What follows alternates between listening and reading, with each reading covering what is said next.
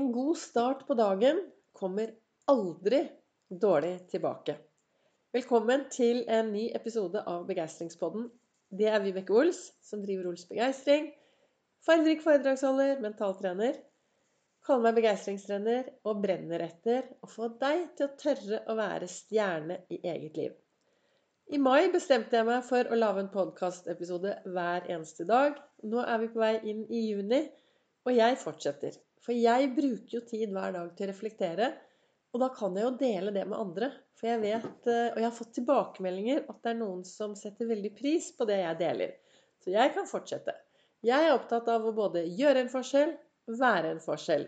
Løfte blikket, se det jeg møter på min, på min vei. Og dette med at en god start på dagen aldri kommer dårlig tilbake, det er så Det er en, en liten setning, men den er veldig, veldig viktig.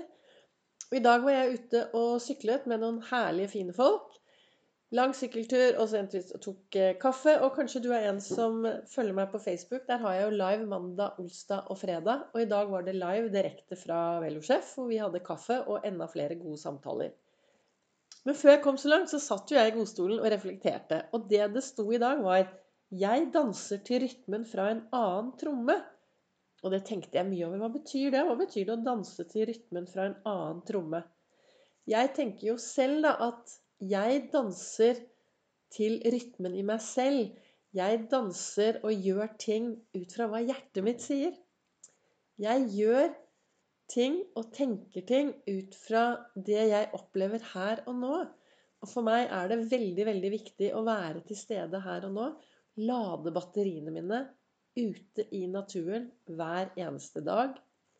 Eller jeg kan faktisk nå NRK har jo kommet med en sånn melding at ingen burde klippe gresset før 1.6.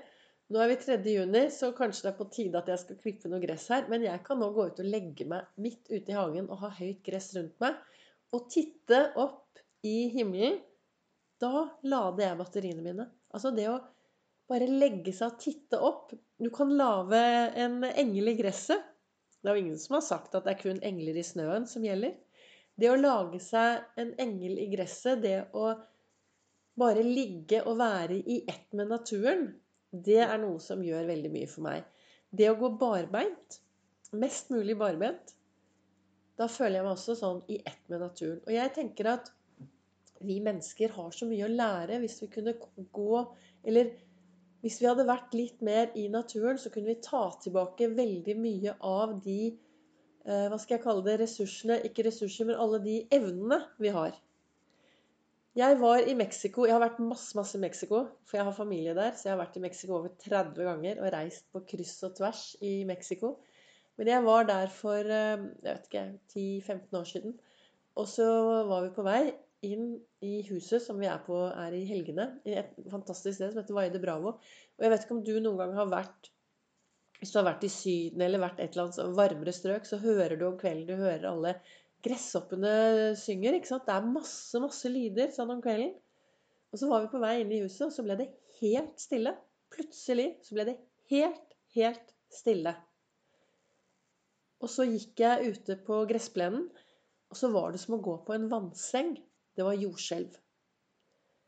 Det gikk helt fint. Det gikk helt fint med oss. Og, var, og jeg har opplevd flere små jordskjelv der borte. Det er som å gå på en vannseng. Eller er, hvis du er i Oslo og går over den brua på Akerselva. Hvis du står stille der når folk går, det føles også litt som et jordskjelv.